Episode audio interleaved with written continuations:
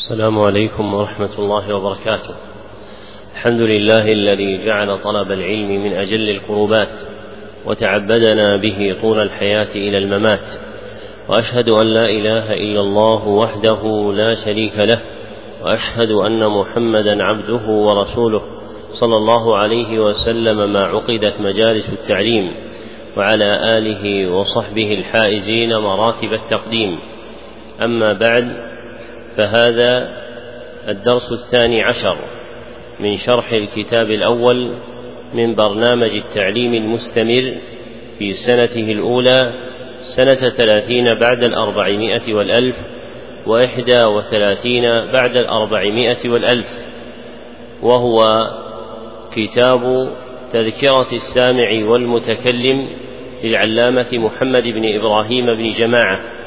ويتلوه الكتاب الثاني وهو بلوغ القاصد جل المقاصد للعلامة عبد الرحمن بن عبد الله البعلي ويتلوه الكتاب الثالث وهو فتح الرحيم الملك العلام للعلامة عبد الرحمن بن ناصر السعدي رحمه الله تعالى. وقد انتهى بنا البيان في الكتاب الأول إلى قول المصنف رحمه الله تعالى في الفصل الثالث من الباب الأول الخامس أن يسمح له بسهولة الإلقاء في تعليمه. نعم. أحسن الله بسم الله الرحمن الرحيم. الحمد لله رب العالمين. وصلى الله وسلم على نبينا محمد وعلى آله وصحبه أجمعين. اللهم اغفر لنا ولشيخنا وللحاضرين ولجميع المسلمين. قال المصنف رحمه الله تعالى الخامس أن يسبح أن يسمح له بسهولة الإلقاء في تعليمه. وحسن التلطف في تفهيمه لا سيما إذا كان أهلا لذلك لحسن أدبه وجودة طلبه. ويحرصه على ضبط الفوائد وحفظ الفرائد ولا يدخر عنه من أنواع العلوم ما يسأله عنه وهو أهل له. لأن ذلك ربما يوحش الصدر وينفر القلب ويورث الوحشة. ولذلك لا يلقي إليه ما لم يتأهل له لأن ذلك يبدد ذهنه ويفرق فهمه. فإن سأله الطالب شيئا من ذلك لم يجبه ويعرفه أن ذلك يضره ولا ينفعه. وأن منعه إياه منه شفقة عليه ولطف به لا بخلا عليه ثم يرغبه عند ذلك في الاجتهاد والتحصيل ليتأهل لذلك وغيره. وقد روي في تفسير الرباني أنه الذي يربي الناس بصغار العلم قبل كباره. ذكر المصنف رحمه الله تعالى أدبا خامسا من آداب العالم مع طلبته مطلقا وفي حلقته. وهو أن يسمح للمتلقي عنه بسهولة الإلقاء في تعليمه وحسن التلطف في تفهيمه لأن الدين مبني على اليسر كما روى البخاري من حديث أبي هريرة رضي الله عنه أن النبي صلى الله عليه وسلم قال إن الدين يسر وأصل العلوم في الشريعة هو القرآن الكريم مبني على اليسر كما قال الله سبحانه وتعالى ولقد يسرنا القرآن للذكر فهل من مدكر فالمناسب لصنعة العلم أن يكون إلقاؤها على هذا النحو سهلة ميسورة كي يسهل تحصيلها وتتمكن النفوس من تلقيها. وأجدر ما تكون السماحة والسهولة مصدرة لمن كان متأهلا ممن حسن أدبه وجاد طلبه وعلم حرصه فإنه من لوحظت فيه هذه المعاني كان حقيقا بأن يجتهد المعلم في تسهيل العبارة له وفي تلطيف حمله على العلم حتى يقر في قلبه. وذكر المصنف رحمه الله تعالى من الملتحق بهذا أن يديم تحريضه على ضبط الفوائد وحفظ الفرائد لأن العلم إذا لم ينبه إلى ما يضبط منه ويحفظ ربما لم ينتبه المتلقي إلى جليل الفائدة فإن الطالب قد لا تكون له آلة عظيمة يميز بها ما ينتفع به من العلوم فيحتاج إلى تحريض معلمه على ضبط الفوائد وحفظ الفرائد ولم يزل أهل العلم رحمهم الله تعالى يراعون هذا حتى في جمل الضوابط العلمية التي يذكرونها. كما قال بعضهم في علم النحو يا طالبا خذ فائدة بعد إذا ما زائدة. فهو أراد أن يوصل الفائدة المرجوة وهو أن ما إذا عقبت إذا فإنها تكون زائدة فأرشده إلى أن هذه فائدة عظيمة. فقال له يا طالبا خذ فائدة بعد إذا ما زائدة.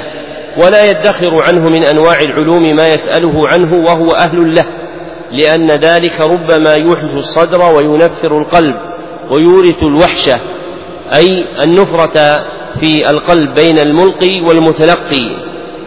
فإذا رأى المعلم أن المتعلم متأهل لأنواع من العلوم تصلح له فإنه لا ينبغي له أن يحبسها عنه بل يفيض سيح علمه عليه.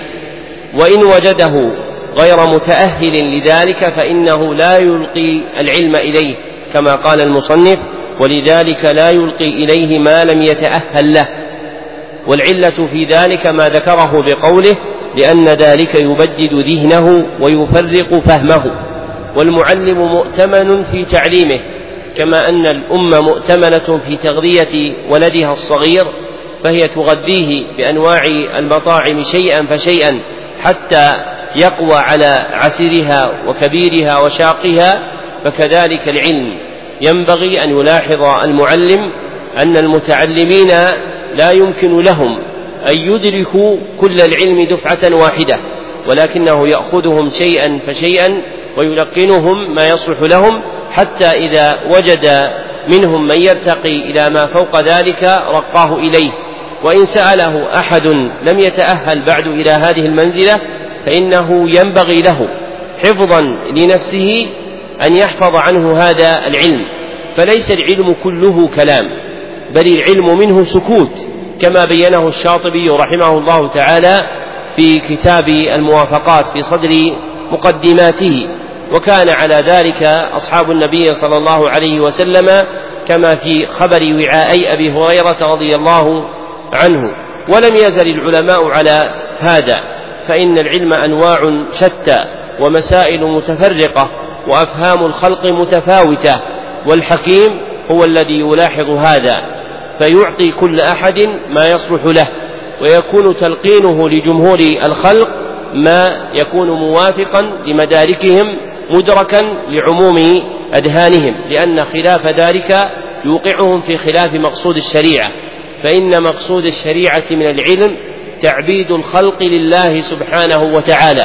وإذا كان في هذا التعليم ما يحول بينهم وبين القيام بالعبودية لما يورثه ذلك من تشوش خواطرهم ونفرة نفوسهم واستصعاب ذلك على أفهامهم كان اللائق عبودية لله سبحانه وتعالى هو حبس ذلك عنهم حتى يتأهلوا له.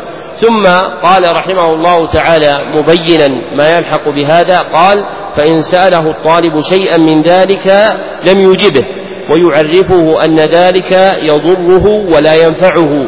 فإذا ابتغى أحد المتعلمين إجابة من شيخه عما حبسه عنه فإنه يرشده إلى أن هذا لا ينفعه بل ربما ضره وأنه منعه إياه شفقة عليه لا بخلا عليه. لا بخلا عنه ثم يرغبه عند ذلك في الاجتهاد والتحصيل ليتأهل لذلك وغيره. ولما صار من المعلمين والمتعلمين من لا يعرف هذا الأصل صار المعلم يرى أنه يجلس على كرسي الدرس فيلقي كل ما يعلم ويرى المتعلم أنه يجلس بين يديه وهو حقيق بأن يلقي إليه المعلم كل ما يعلم. وهذا من الجهل بمكان فإن الشريعة جاءت بملاحظة مدارك العقول وأنتم تحفظون قول علي الذي رواه البخاري وغيره أنه قال حدثوا الناس بما يعقلون أتريدون أن يكذب الله ورسوله؟ فإنه إذا ألقيت غوامض العلم ومشكلات الفهم على مدارك الناس لم يقبلها أكثرهم فإن الإلف قيد. وربما ألف الناس حالا أو مقالا فرأوه حقا فإذا ألقي إليهم خلاف ذلك شق ذلك عليهم. وربما ابتغوا مخالفته لأجل المخالفة فإن طبائع الناس متنوعة. وقد مر معنا من صغار المسائل حد الصلاة في لغة العرب فإن المتقرر عند جمهور الناس أن الصلاة هي الدعاء بينما التحقيق أن الصلاة ليست الدعاء. كما رد ذلك ابن القيم في بدائع الفوائد من أربعة وجوه وبينا أن المحققين ذكروا أن الصلاة هي معنى جامع للحنو والعطف. فهذه المسألة الصغيرة من عقول الناس من لا يدركها فهو يرى أن ذلك خلاف المعروف المعهود في كلام أهل العلم وأنه قول جديد وشغب بما شغب لأن عقله لا يقبل مثل هذا. ولا بد أن يلاحظ الإنسان أنه إذا ألقى مثل هذه المسائل ينبغي أن يقرنها بمن قال ذلك من المحققين كأبي بكر السهيلي وأبي عبد الله بن القيم وأبي عبد الله أبي محمد بن هشام رحمهم الله تعالى. فما بالك بمسائل أغمض وأصعب في باب العقيدة أو التفسير أو الحديث أو الفقه؟ لأن مدارك الناس في العموم الأغلب لم تترقى إلى العلم المحقق. فإن العلم المحقق قليل في الناس. والناس درجوا على أخذ العلم بالكم لا بالكيف فإن أحدهم يقرأ كتابا كاملا لكن إذا حاققته في صواب فهمه من خطئه وجدت أن صواب فهمه قليل وهذا من الاغترار بالكم والحرص على مجرد ضم الكتب وحضور الدروس دون عناية بتحقيق المسائل وسبر غورها وفهم مداركها والعلم إنما هو الفهم والإدراك.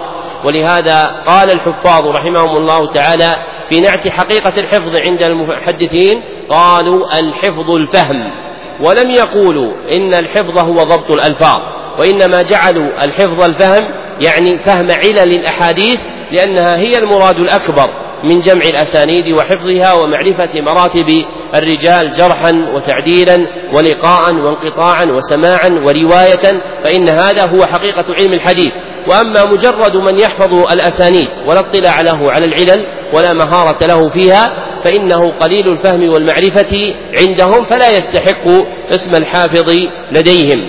ثم ذكر المصنف رحمه الله تعالى ما يحقق هذا المعنى بما قد روي في تفسير الرباني الذي أمر به في قول الله تعالى ولكن كونوا ربانيين فقد ذكر ما ذكره البخاري في تفسير في صحيحه قال وقيل الرباني أنه الذي يربي الناس بصغار العلم قبل كباره. فهذا المعنى ذكره البخاري معلقا في صحيحه ولم يعزه إلى أحد ولا رواه ولا خرجه ابن حجر في تغليق التعليق. فكأنه من كلام البخاري رحمه الله تعالى. وعزاه القرطبي في تفسيره إلى ابن عباس وهو غلط عليه. فإن ابن عباس إنما ذكر في تفسير هذه الآية ما علقه البخاري قال حكماء فقهاء ولم يقل ابن عباس رضي الله عنه الرباني الذي يربي الناس بصغار العلم قبل كباره وإنما هو كلام أورده البخاري رحمه الله تعالى في صحيحه. وهذا المعنى الذي ذكر في الرباني أنه الذي يربي الناس لصغار العلم قبل كباره يعني الذي يدرجهم. فيما يلقي إليهم من العلم المثمر للعمل فيربيهم بصغار العلم قبل كباره. وهذا القول على الصحيح معدول عنه. فالصحيح أن الرباني مشتق من ربان السفينة وهو قائدها. والمعنى الذي يسوس الناس فيما يصلحهم. فهذا هو معنى الرباني أي الذي يسوس الناس فيما يصلحهم علما وعملا ودعوة وإرشادا وإصلاحا. وقد اختار هذا المعنى ابن جرير الطبري في تفسيره ونصره أبو العباس ابن تيمية رحمه الله تعالى من وجوه عدة في رسالة مفردة طبعت في مجموع الرسائل الذي طبع بأخرة. وهذا هذه المرتبة العظيمة وهي مرتبة الرباني مردها كما ذكر المحققون إلى سياسة الخلق في إصلاحهم. والشافعي رحمه الله تعالى يقول سياسة الناس أشق من سياسة الدواب ومن جملة السياسة التي يحتاجها الناس سياستهم في العلم ومن جملة سياستهم في العلم أن يبتدئ الإنسان في تعليمهم بالمهمات فإن الإنسان ينبغي له أن يحفظ زهرة عمره فإن العمر قد لا يتسع لكل الخلق في التعلم ولكن يتسع لبعضهم دون بعض. ويتسع لجمهورهم في أول عمره فينبغي أن يعمر أول عمره بما ينفعه من المهمات فيشتغل بتعلم المهمات التي يحتاج إليها في دينه في اعتقاده وطهارته وصلاته ومعرفته بسنة نبيه صلى الله عليه وسلم وسيرته ومهمات تفسير القرآن الكريم. هذا هو العلم الذي ينبغي أن يجمع الإنسان نفسه عليه.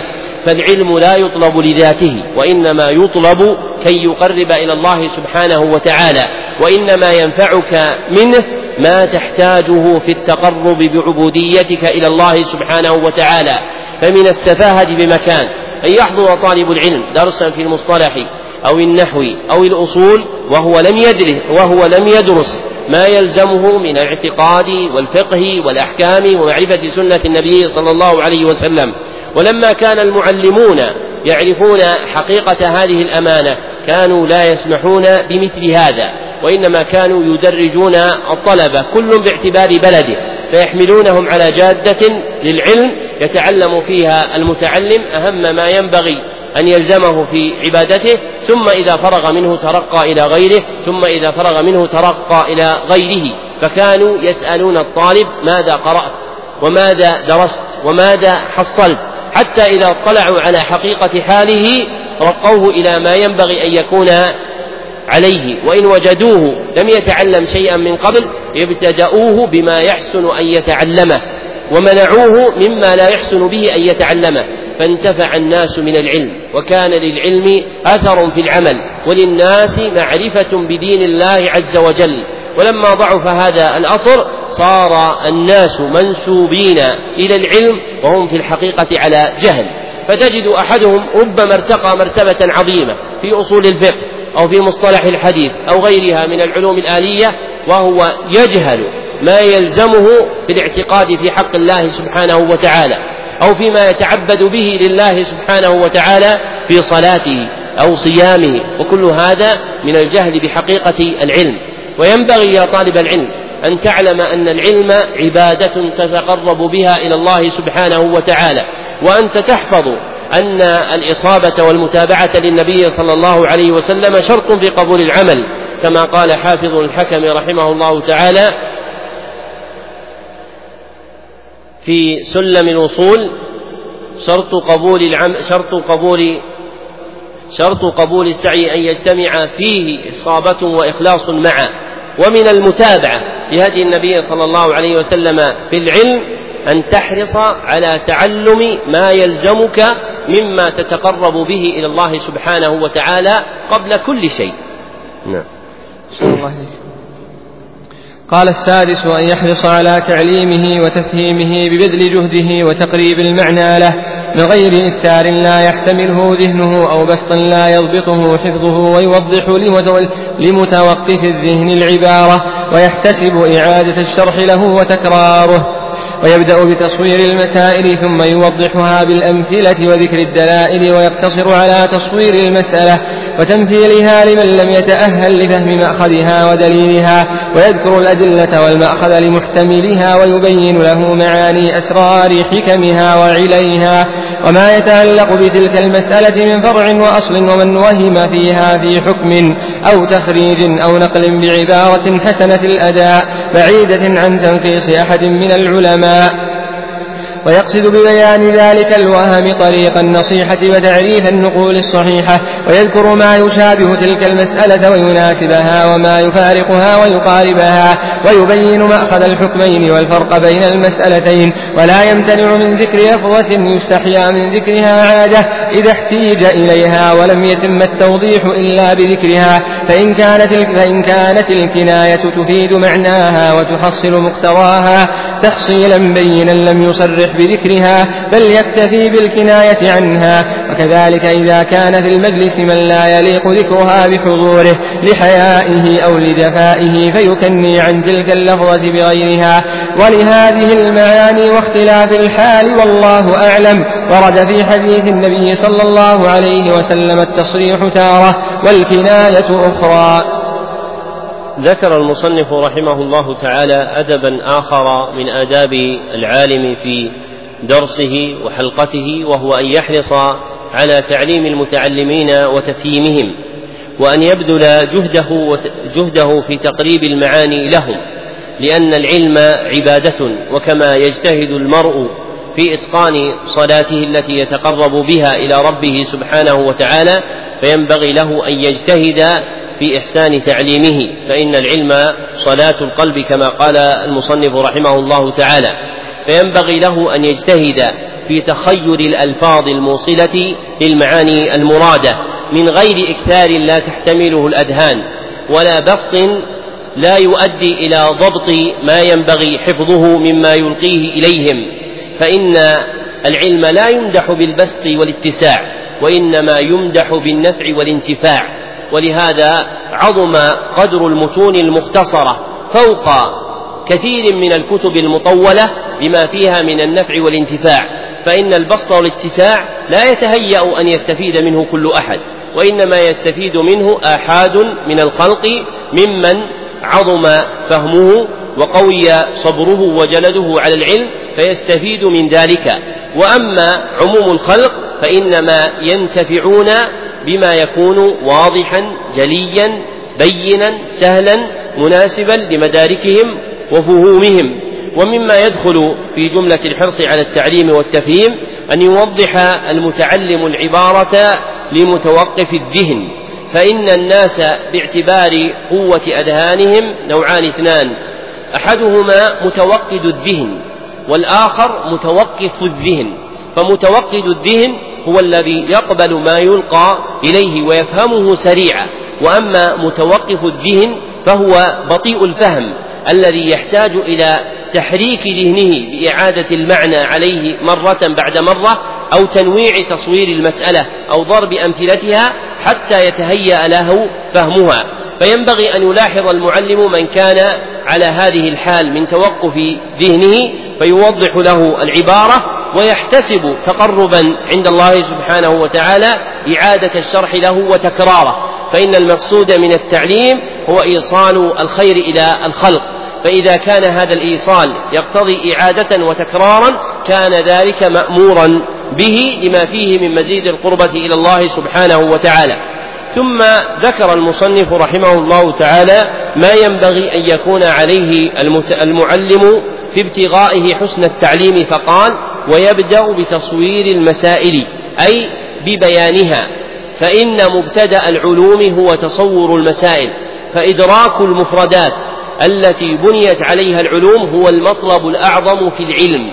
ولذلك فإن أول ما يلقى إليك من العلم كما ينبغي هو تصوير المسألة سواء كان في العلوم الأصلية كالفقه والعقيدة والحديث والفقه أو في العلوم الآلية فإن الإنسان إذا تصور الشيء سهل عليه بعد أن يعرف دليله ومأخذ هذا الدليل منه والرد على مخالفه.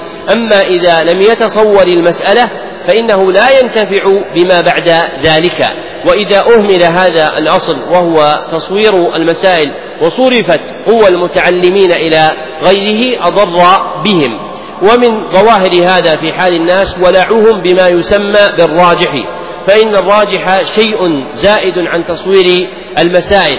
وهم يضيعون ما ينبغي من معرفة المسائل كما هي ويتعلقون بما وراء ذلك.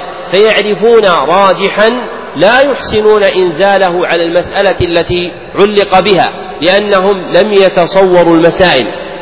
وقد مر معنا كلمة في الواسطية وهي قول مصنفها رحمه الله تعالى وقد جمع سبحانه وتعالى فيما وصف وسمى به نفسه بين الجمع والإثبات فإن هذه الجملة لم يتصورها لم يتصورها أكثر شراح الواسطية فضلا عن متلقيها. لا نقول ذلك تعديا ولا جورا ولكن من رجع إلى أكثر شروح الواسطية لم يجدهم ذكروا معنى النفي في الأسماء. فإن المصنف بين أن النفي يتسلط على الأسماء كما يتسلط على الصفات. فقال وقد جمع سبحانه فيما وصف وسمى به نفسه بين النفي والإثبات فكما يكون في الصفات شيء منفي وشيء مثبت فكذلك في الأسماء شيء منفي وشيء مثبت. لكن لما غودرت العناية بتصوير المسائل عزب علم هذا عن الناس فصارت هذه المسألة غريبة مع كونها منصوصة في هذا الكتاب على المعنى الذي وضحناه في شرحها. لكن المقصود أن تعرف أن أهم ما ينبغي أن تعتني به في تلقيك هو تصوير المسائل. ولذلك قال المصنف ويبدأ بتصوير المسائل. ثم وهذا انتقال إلى مرتبة ثانية قال ثم يوضحها بالأمثلة وذكر الدلائل. أي يوضح المسألة المصورة بالأمثلة ويذكر الأدلة عليها.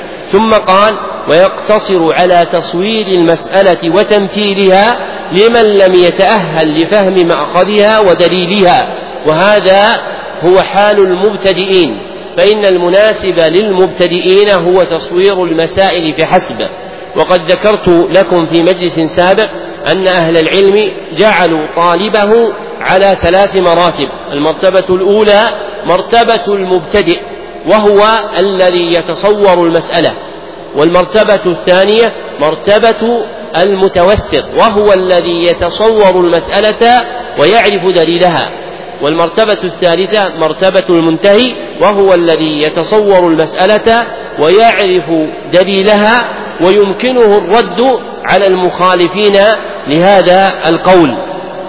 فأول ما ينبغي أن يعتني به الطالب هو أن يشتغل بتصوير المسألة بتصور المسألة. وأولى ما ينبغي أن يعتني به المعلم في حق المبتدئين هو تصوير المسائل لهم. ولذلك قال المصنف ويقتصر على تصوير المسألة وتمثيلها لمن لم يتأهل لفهم مأخذها ودليلها. وهذا هو السر في تجريد النفوس على الأمر الأعظم لأن فهم المأخذ والدليل أمر أرفع من مجرد التصور. فإذا جردت النفوس على المطلب الأدنى أدركته. قال ويذكر الأدلة والمأخذ لمحتملها.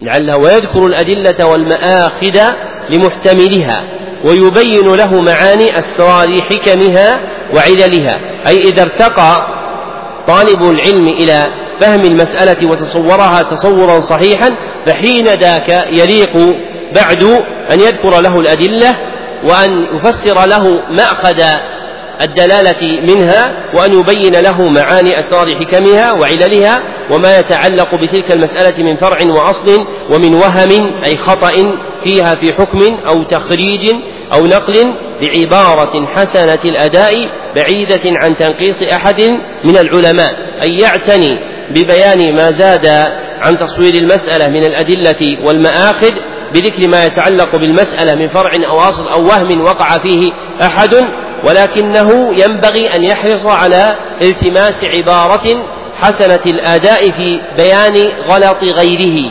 بعيدا عن تنقص أحد من العلماء. لأن العلم لا يقوم إلا بالأدب. ومن ظن أنه يدرك العلم بلا أدب فإنه لا يحصله سواء كان معلما أو متعلما. ومن الأدب حسن التلطف في العبارات المؤدية إلى بيان الأخطاء دون تعرض إلى المخطئين من العلماء الصادقين. فإن العالم كغيره من البشر عرضة للسهو والخطأ والنسيان فإذا زل أو غلط في مسألة فإن اللائق هو أن يلتمس الإنسان عبارة لطيفة في بيان خطئه. وهذا اللسان وهو لسان العلم له قوانين وآداب مبثوثة في كلام أهل العلم. فإن أهل العلم ولا سيما من صنف في الفقه اختاروا عبارات كقولهم والأظهر أو قولهم والأصح أو قولهم فإن قيل أو قولهم فإن يقال فإنهم يفرقون بين هذه العبارات باعتبار ما يكتنفها من القرائن. وهذا اللسان كلامهم فيه متفرق. وللنووي رحمه الله تعالى في مقدمة المجموع نزر حسن من بيان جملة من هذه المعاني. وهي محتاجة إلى ناهض ينهض بجمعها لأن لسان العلم قد تلوث اليوم بين طائفتين اثنتين إحداهما طائفة منسوبة إلى العلم لكنه داخلها بعض الدعاوى التي تسمى بتجديد الخطاب الديني فأدخلوا في العلم عبارات وجمل أجنبية عنه لا مدخل لها فيه فأضروا بلسان العلم. والطائفة الثانية طائفة أجنبية عن العلم أصلا من المثقفين والمفكرين والصحفيين صاروا يتكلمون في مسائل العلم بلسانهم الصحفي فأفسدوا لغة العلم فيحتاج لسان العلم إلى حفظ وينبغي أن يحرص طالب العلم على أن يكون لسانه هو لسان أهل العلم فإنك إذا هجرت لسان أهل العلم فأنت ناقص النسبة لهم وإن كنت متزيا بزيهم ودارسا لعلومهم فإن لم يكن لسانك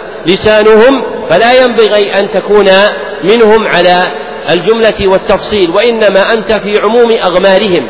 وأما من شرف لسانه بمعرفة لسان أهل العلم المشتمل على العفة والصيانة وحسن الأدب واختيار الألفاظ المعبرة عن الحق فهذا هو المنسوب إلى العلم حقيقة. ولذلك فإن الذي يعرف عفة أهل العلم يشق عليه. أن يقول عن قول الجمهور مثلا وهذا قول باطل. أو يقول عن حديث اختلف أهل العلم في تصحيحه وتضعيفه هذا أفضل حديث على وجه الأرض.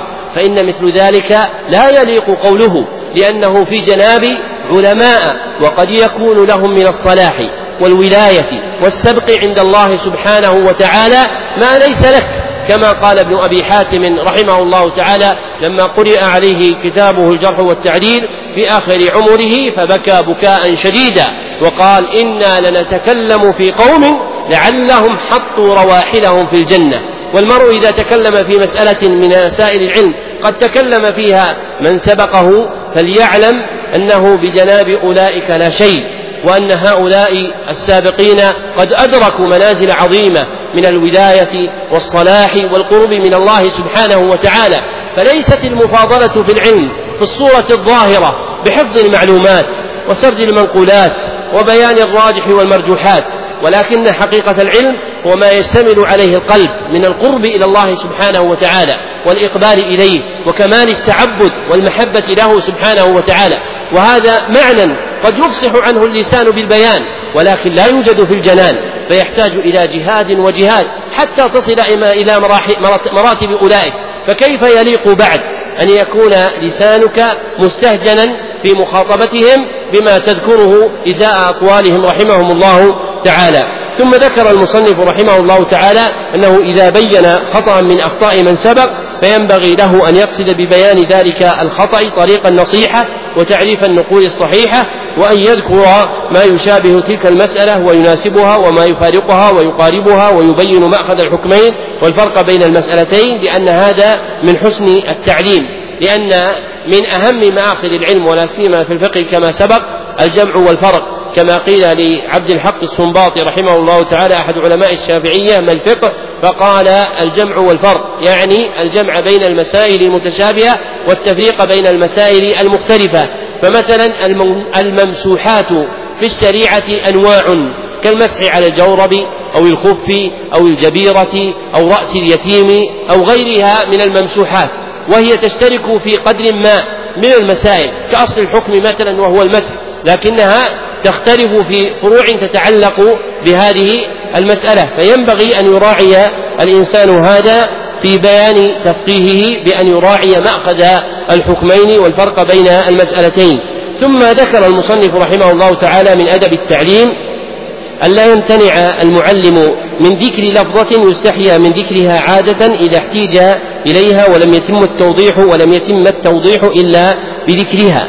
فإن كانت الكناية تفيد معناها وتحصل مقتضاها تحصيلا بينا لم يصرح بذكرها بل يكتفي بالكناية عنها لأن الشريعة مبنية على الأدب والقرآن الكريم ملي بالألفاظ التي عدل بها عن ظواهر قريبة عن ظواهر قريبة إلى ألفاظ أخرى تأدبا.